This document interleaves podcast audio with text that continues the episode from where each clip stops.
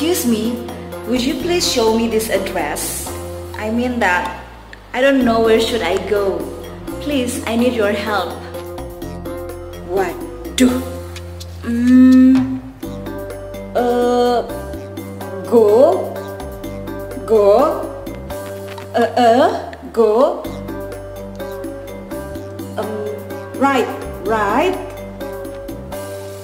Go, go. Hmm.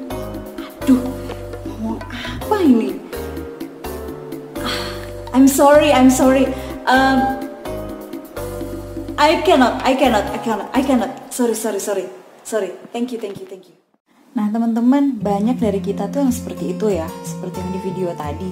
Jadi kayak bingung gitu loh pada saat ada orang asing yang ngobrol dengan kita dan kita tuh bingung mau ngomong apa, mau balasnya gimana, atau bingung dengan apa sih bahasa Inggris dari kata ini atau benda ini tuh bahasa Inggrisnya apa kayak gitu. Nah dari video ini aku mau cerita sedikit Kenapa sih kita harus belajar bahasa Inggris? Yang pertama itu sebenarnya untuk keuntungan diri kita sendiri juga. Jadi kalau misalnya kalian sekolah atau kalian bekerja dan seumpama ada orang asing yang datang dan orang asing itu kebanyakan mereka itu berbahasa Inggris.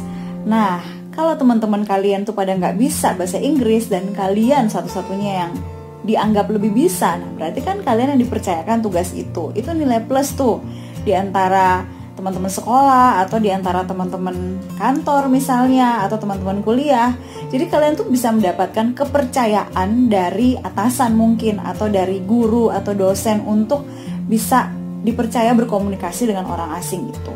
Itu yang pertama. Lalu yang kedua, misalnya kalau kalian uh, punya tugas nih, tugas dan uh, buku ataupun jurnal yang harus dibaca adalah dalam bahasa Inggris. Sebenarnya itu mudah banget bagi kalian yang sudah terbiasa mendengar atau membaca sesuatu yang dalam bahasa Inggris. Jadi nggak terlalu kayak aduh bahasa Inggris ini maknanya apa? Ini gimana? Bingung segala macam. Jadi benar-benar menguntungkan lah kalau misalnya kalian itu punya basic sedikit basic tentang bahasa Inggris setidaknya kalian tahu lah vocab-vocab apa atau kata-kata ini maknanya apa kayak gitu yang ketiga adalah pada saat memang kalian itu mau berencana untuk sekolah lanjut. Karena sekarang tuh banyak ya beasiswa yang untuk dalam negeri maupun luar negeri.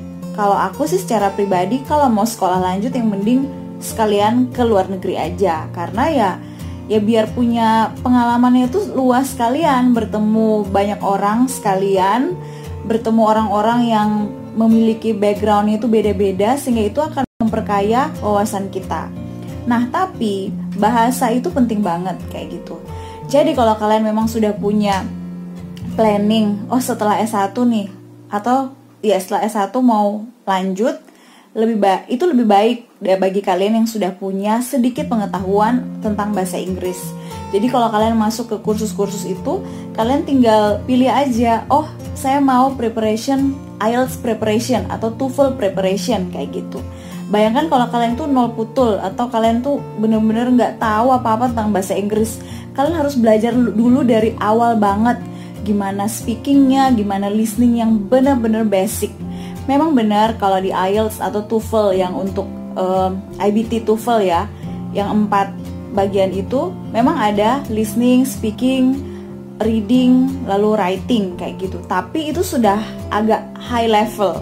Tapi kalau kalian belum mengerti sama sekali kalian nggak bisa langsung masuk ke situ. Kalian harus belajar dulu dari awal banget kayak gitu. Dan menurutku itu sebaiknya bisa dicicil pada saat misalnya kalian masih sekolah atau misalnya kalian lagi kuliah saat ini kalian bisa mencicil untuk ikut les bahasa Inggris yang general aja kayak gitu. Jadi bisa mulai berlatih nih untuk membaca, memahami sebuah uh, artikel dalam bahasa Inggris dan artikel-artikel sederhana. Atau kalian mulai denger-denger nih misalnya kalian memilih ada audiobook tertentu kalian bisa mulai latihan listening listening. Jadi itu memperkuat skill dasar kalian kayak gitu. Dan yang kesekian ya adalah kalau misalnya kalian mau pacaran sama orang bule atau orang asing ya pasti kalian harus ngerti lah ya bahasa Inggris. Jadi yang di luar sana memang punya keinginan aduh pengen nih memperbaiki keturunan. Jadi kalian tuh pengen menikah sama orang asing ya pastilah kalian harus punya setidaknya skill berbahasa Inggris. Sederhana juga nggak apa-apa.